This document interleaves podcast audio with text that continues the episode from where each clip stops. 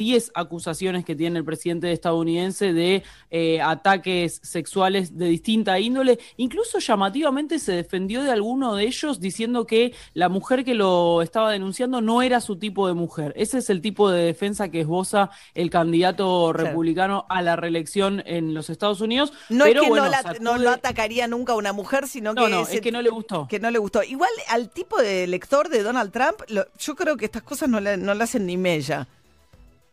Yo creo lo mismo, pero, pero igual no me, digamos, pero igual llama la atención el momento en el que esto ocurre. De hecho, a ver, de hecho, cuando Donald Trump fue, estaba por ser elegido en 2016, no sé si se acuerdan, se había viralizado ese video en el cual él decía que sus genitales resultaban atractivos para todo el mundo y demás, y finalmente ganó las elecciones contra Hillary Clinton. Yo también creo que a su electorado no le hace mella, pero es un sacudón. Sí, sí. Alguien que obviamente era dueño de la franquicia, ¿no? De los concursos de belleza, era como también otra época, lo cual no justifica nada de los ataques sexuales, pero era una época en la que jactarse, y por eso aparecían esos videos que ahora en esta época se miran distintos, ¿no? Que se jactaba de que era irresistible para las mujeres, etcétera.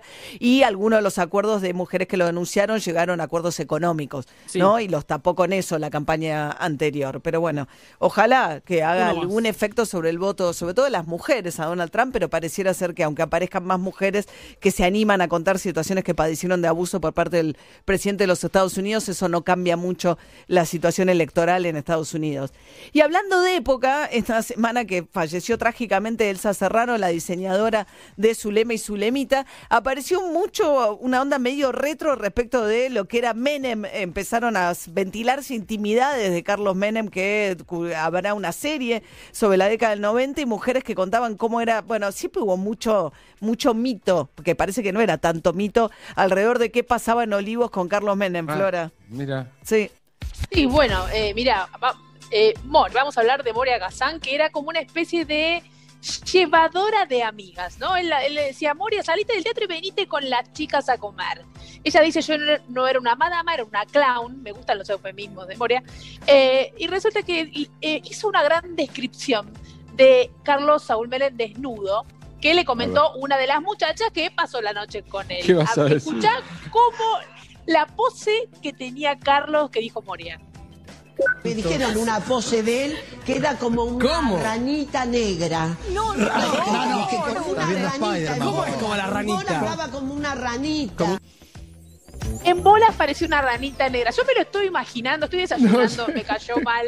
Me estoy imaginando una ranita negra, una ranita carbonizada. Raro el rol de Moria también, ¿no? Porque él dice, a mí me contaban, a mí me contaban, que dice que Menem era Sir du Soleil, que no sé qué querrá decir tampoco la Ella dice que él, él las agarraba y las daba vuelta como una media, que el Sir de Soleil al lado e, era un, una estupidez al lado de él. Parece que, claramente, porque él es árabe. Los árabes son, tienen esa cosa con las poses amatorias. Se ve que las revoleaba, las hacía hacer, todas terminaron con escoliosis. Bueno, o sea que parte del mito de Olivos en la época de Mere parece que se verifica con un rol raro de Moria llevando mujeres, pero no, y, y Graciela Alfano que anduvo por ahí también, ¿o no? Y Graciela o sea, viste que eh, eh, las dos divas siempre compiten por quién tiene mejores anécdotas. Entonces resulta que ah. eh, Graciela contó que en los 90 andaba con el otro expresidente, que en ese momento era un empresario, no un expresidente. Con los dos dijo, dijo que estuvo con Menem y con otro, dijo, no estuve con uno, estuve con dos. Lo, de Menem ya lo había comentado en el pasado, pero ahora la que tiró como bomba es que estuvo con Mauricio Macri en los 90 y cuenta una historia en la que Mauricio la lleva a un departamento y en un momento decide tener como una reunión de negocios en el living y la deja esperando. Escuchemos esto. Me dice, mira, me voy del cuarto, voy a atender a esta persona un rato y luego regreso. Y a mí, como buena diva, no me dejas esperando. A ver, seas quien sea.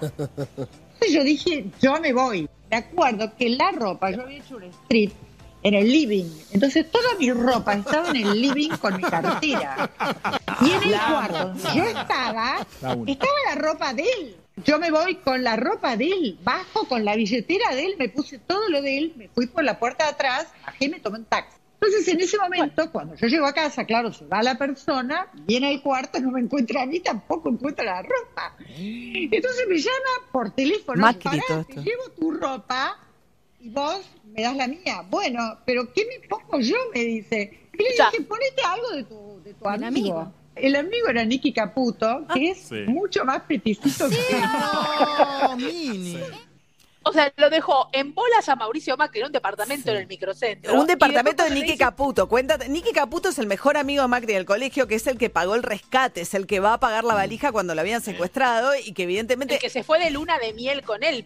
Sí, eh, Pero se reunió, para para para como le decía Fantino. Está, o sea, se reunió en bolas. O yo Eso es loco. lo que quería contar. Yo digo, si él dejó la ropa en el cuarto, Ah, es verdad. Ah. él salió en pitulín a saludar a Nicky Caputo para, para saber qué, solo para decirle, adivina quién tengo en el cuarto, Nicky. Sí, eso es verdad, eso, eso es un sí. yerro en el cuento, ¿no? De, de- Claro, pero de todas maneras, me parece que en esa época Macri estaba casado con Isabel Menditegui. No creo que le haga ni mucha gracia a Juliana ni que, ¿no? Sí, sí, sí. Así que, y aparte es de la clase de persona que te llama desnudito y vos vas corriendo. ¿Qué pasa, Mauri? ¿Te secuestraron? No me llames así, ¿qué pasa? No, te quiero avisar que así como me ve desnudo, en el cuarto la tengo la Alfano 4. Buah. Macri que ayer le allanaron la que- cámara de seguridad de la quinta donde está viviendo en Los Abrojos, ¿eh? por una denuncia por violación de cuarentena. Mi negocio personal presenta todo lo que necesitas saber para crear tu tienda online de la manera más fácil y rápida. Ahora por Metro. Bueno, vamos a hablar de gente que mientras tanto en este país tan loco eh, se pone a hacer eh, emprendimientos tipo eh, fabricar cohetes en Florida, provincia de Buenos Aires, para que trasladen satélites y lanzarlos desde la costa argentina. Dan Ettenberg eh, junto con Federico Brico, Brito perdón, fundaron LIA Aerospace. ¿Qué tal, Dan? Buen día. Hola María, buen día, ¿cómo estás? Bien, bien. ¿Cómo es esto de fabricar cohetes? Eh, bueno, eh, no, es, no es tan fácil como decirlo, déjame déjame contarte. Me imagino. Eh, bueno, básicamente es, eh, queremos dar un servicio de, de logística espacial para un mercado que vemos que va a crecer mucho en el futuro, digamos, que es como vos decías bien, llevar satélites al espacio. ¿Y entonces? Y entonces, bueno, eh, básicamente con mi socio Federico arrancamos esta compañía hace un año y estamos, bueno, desarrollando unos pequeños prototipos, unos cohetes chiquititos que la idea es empezar a, probar eh, este año y empezar a hacer despliegues de, bueno, de cohetes chiquitos para ir probando tecnologías y ir avanzando nuestro diseño a lo largo de los próximos años. Yo creo que pensamos, bueno, ir creciendo en, en equipo, en, en capitalización, en, en gente, en- como para ir desarrollando una empresa que pueda lanzar cohetes al espacio. Lanzar cohetes al espacio, o sea, ser como el caño cañaveral, pero en Florida, Vicente López. Bueno, los cohetes no pretendo que salgan desde mi casa, pero pero ponele, sí. Ponele. Ahora, es una cosa más de logística. ¿Qué tipo de, de, de- de conocimiento necesitas? Bueno, en- para, para hacer un proyecto como este necesitas de bueno un gran equipo de ingenieros muy talentosos que, que puedan diseñar un, un cohete de logística. Es una manera simple de decirlo, pero vos tenés que diseñar un cohete grande que pueda hacer un satélite muy pequeño en su interior y lo pueda llevar al espacio, dejarlo ahí como para que el satélite pueda brindar servicios a la Tierra, Claro. básicamente. Que, Eh, que para Argentina, digamos, un país con la producción agropecuaria sería clave, ¿no? Por ejemplo, o sea, todo el tema de satélites daría mucha información muy útil para la producción. Totalmente, totalmente. De todas maneras, el mercado que, que, que se mide es un mercado global, o sea, Sí. cuando vos haces el espacio ya dejar de pensar en, en países, sino pensás en, en, toda una economía del espacio, todo un mercado gigante al cual uno puede tener acceso cuando, cuando forma parte de este ecosistema, ¿no es cierto? Ah, O sea, un montón de gente nos va a estar mirando desde arriba. O sea, va, va a estar, va a haber tipo eh, problemas de estacionamiento en el espacio un día, decís.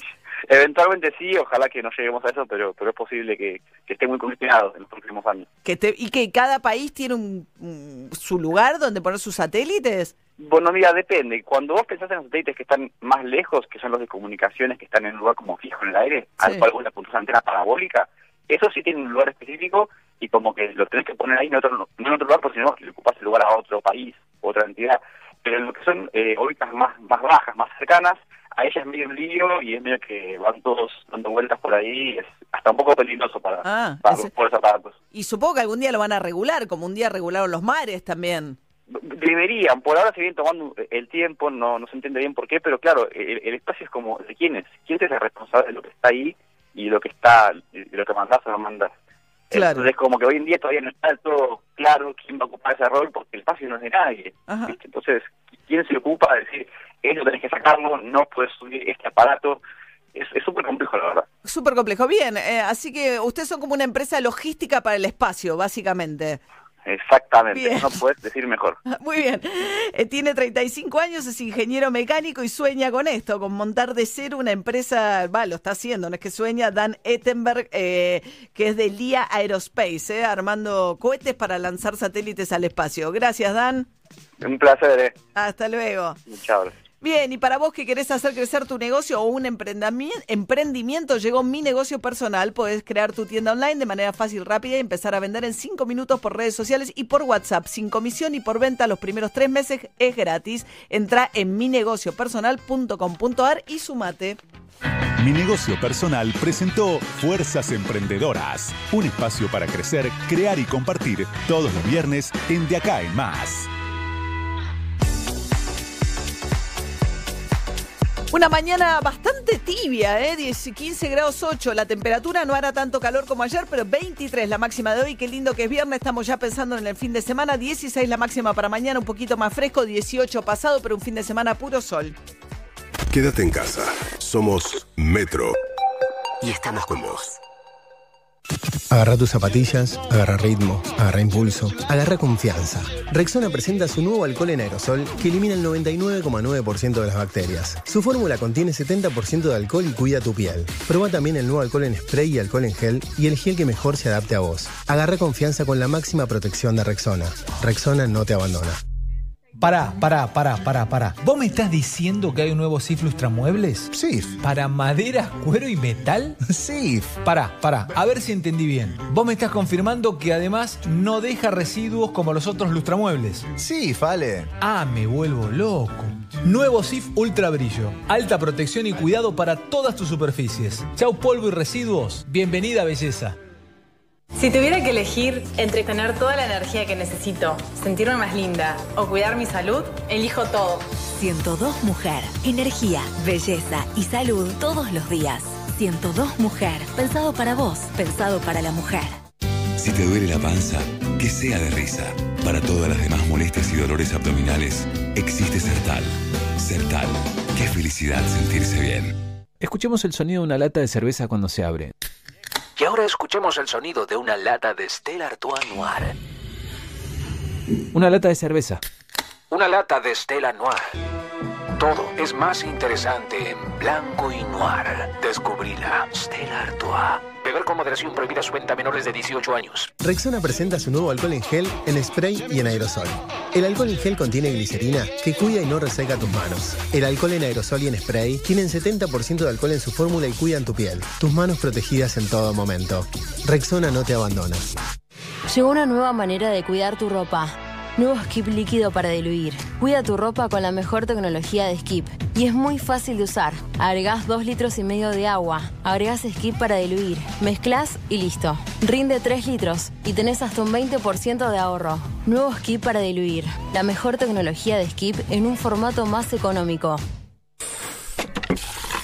Este es un mensaje para los fanáticos de la soda. Llegó SodaStream, la máquina para que transformes el agua en soda en un toque. SodaStream, olvídate del sifón, hacé tu propia soda y ahorrá. Hacer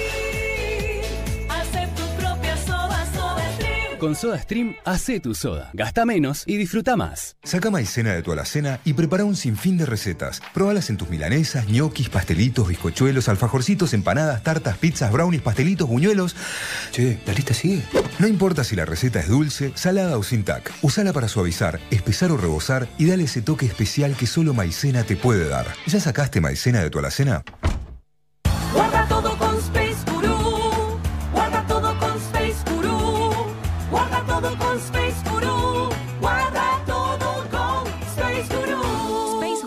Tu aulera inteligente. En ICBC Pymes sabemos que cada pyme es un mundo. Por eso estamos de tu lado siempre, escuchándote y adaptándonos todos los días para encontrar las mejores soluciones a tu medida. Entra a pymes.icbc.com.ar y sumanos a tu equipo. ICBC Pymes. Somos parte de tu pyme todos los días. Quiero, quiero es el mejor colchón.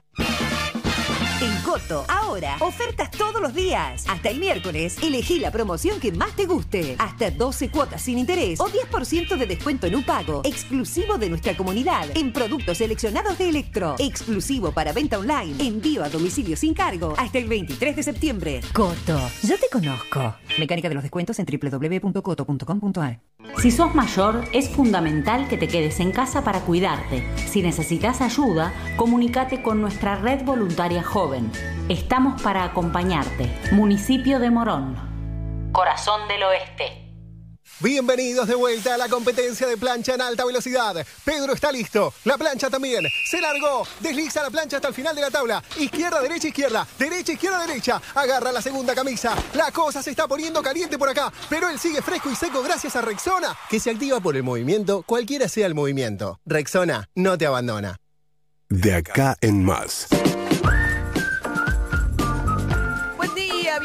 Yanato va, me dijo acá este, Lila Vendersky, porque se viene el año nuevo judío hoy, ¿eh? Así que pues, 5.781, ¿eh? ¿Cuántos años?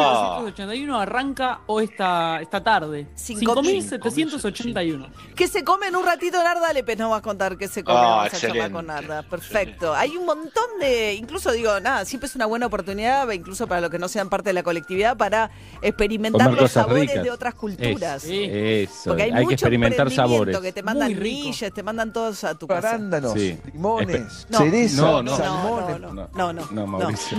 No. No, Mauricio. Hay que ver ahora que se llevaron las cámaras de filmación de los abrojos. eh, bueno, Los delivery. ¿Qué habrá ahí? ¿qué habrá ahí? ¿Qué habrá? ¿Qué le habrán llevado? ¿Habrá cosas picaronas? La ropa No. de Caputo que quedó ahí, el pantalón. Eso de otra época, No creo que Flora, le haga no. mucha gracia a Pero mudanza y Juliana Aguada. quedó. ¿Quedó ahí? ¿Te parece?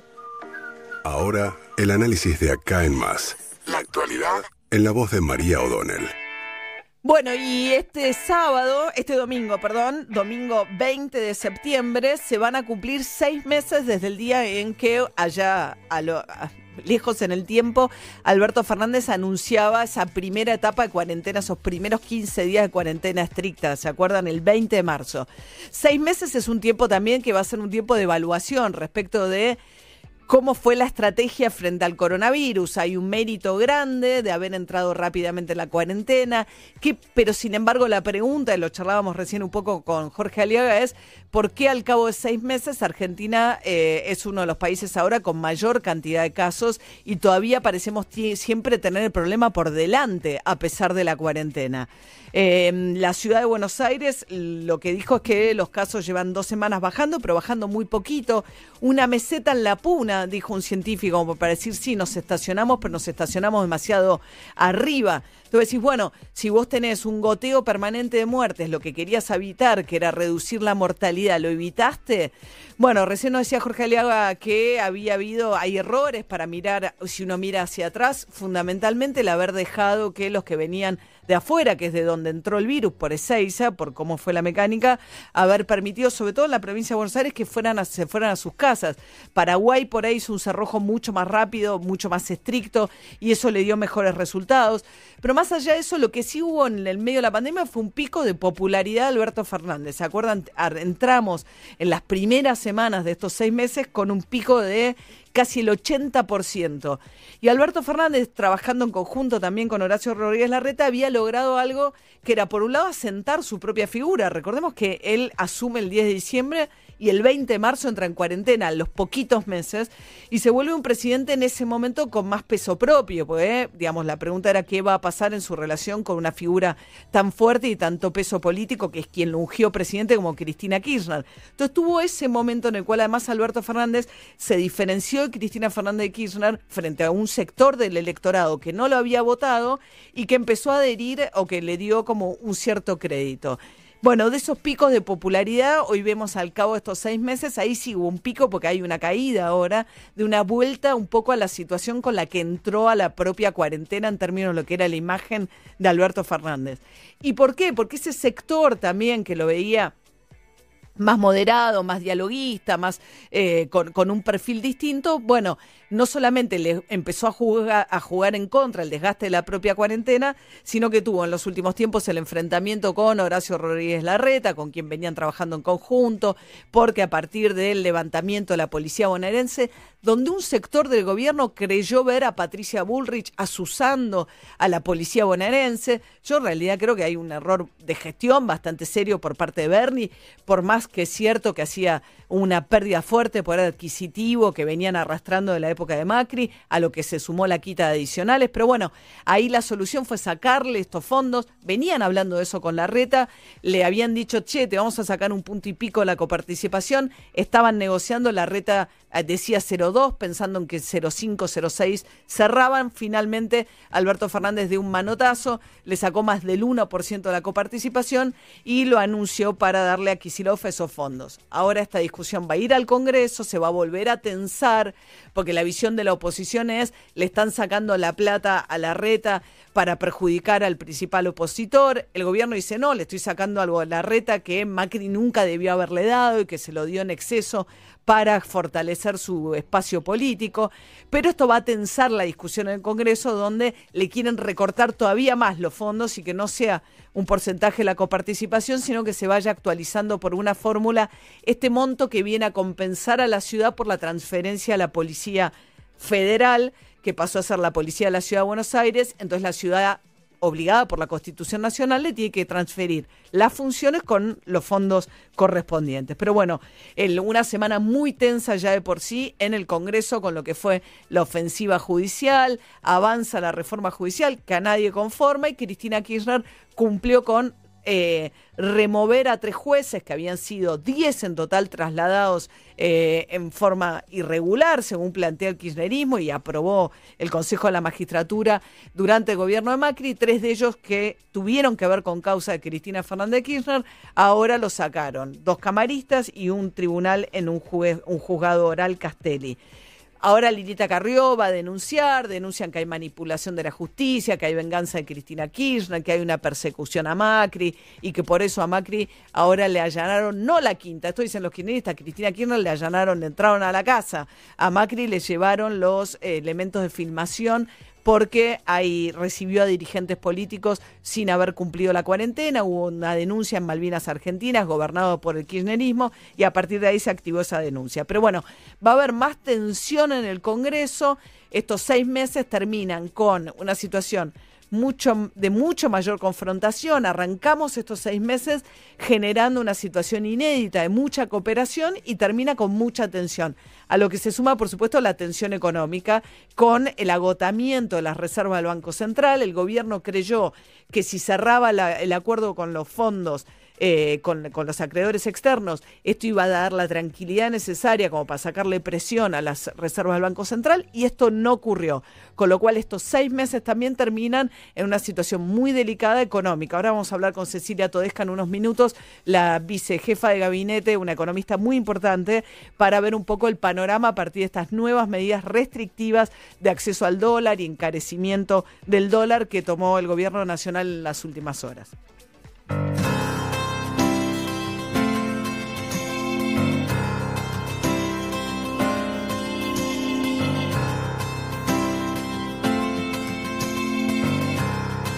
Hola, comandante O'Donnell. Me gusta estar al lado del camino, fumando el humo mientras todo pasa.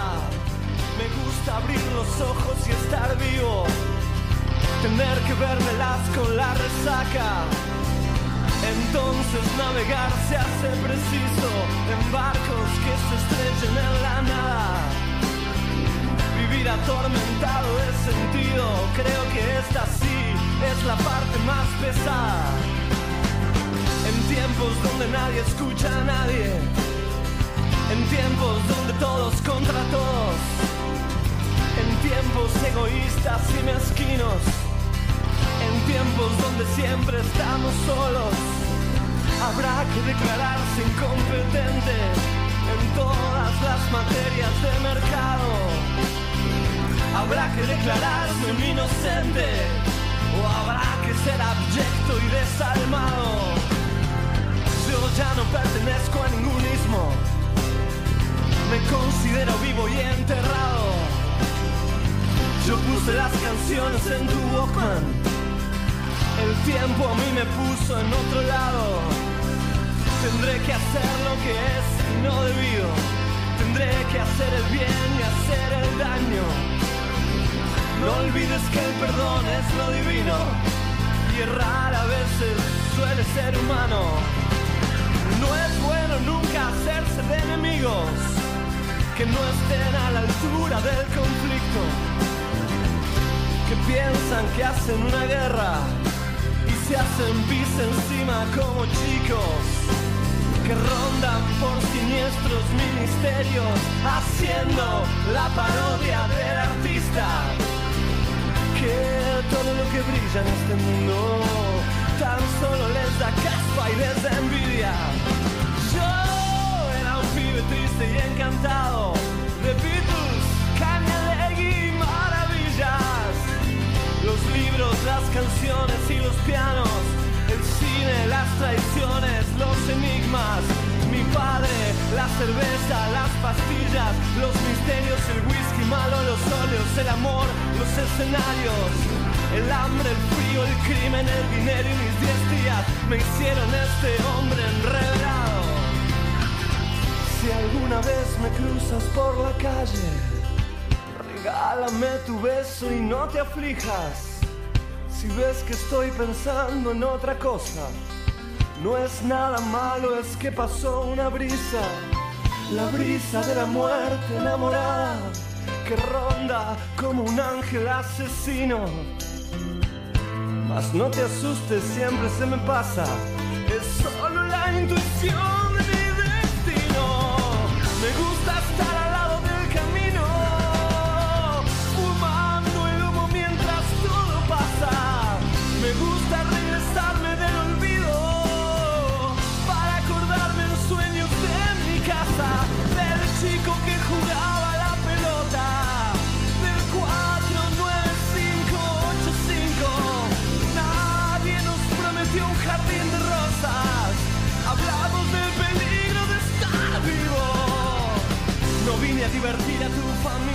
Fito Páez sonando en De Acá Más con su tema Al lado del camino en este programa que hacemos con la puesta en el aire de Leo Pilos, la producción de Lila Vendersky, Martín Fernández Madero, Nico Carral en audios, Javi Bravo en la edición, redes sociales de Nati Grego y la coordinación de Majo Echeverría.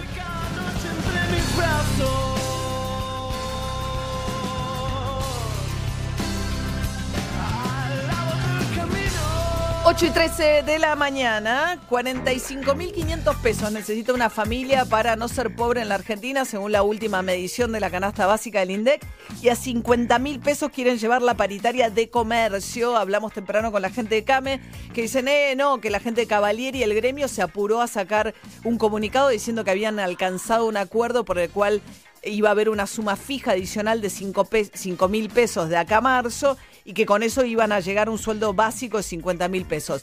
La gente de la CAME dice que no están en condiciones de pagarlo, que la situación está muy mal con el comercio, con los shoppings cerrados, las ventas caídas por el piso. Veremos cómo termina esa puja, pero es la paritaria más importante del país. Son un millón doscientos mil trabajadores y trabajadoras que están afiliados al gremio comercio. Bueno, Juli Rofo. Bueno, a ver, atentos quienes se muevan en auto y en moto, sobre todo en la ciudad de Buenos Aires, porque eh, ya no está prorrogado el vencimiento de la BTV, la verificación técnica vehicular. Ya pueden multarte si no la tenés actualizada, según cómo te corresponda. A ver, les vamos a contar según la patente qué días y qué meses les corresponden. Si tu patente termina en 2, en 3 y en 9, hasta el 30 de septiembre tenés tiempo, si no, ya te pasaste. Si termina entre, en 0 o en 4 hasta el 31 de octubre, en 1 o en 5 hasta el 30 de noviembre, en 6 o en 7 hasta el 31 de diciembre Sí. y en 8 Sí. en enero del 2020. Ah, bueno. Ah. María. Excelente. También tengo 2009 hasta ya la hice. En enero. Excelente. Bueno, la Vamos, base el auto zafamos. haces la BTV, ahí está. Si no haces la BTV, una multa de 8.000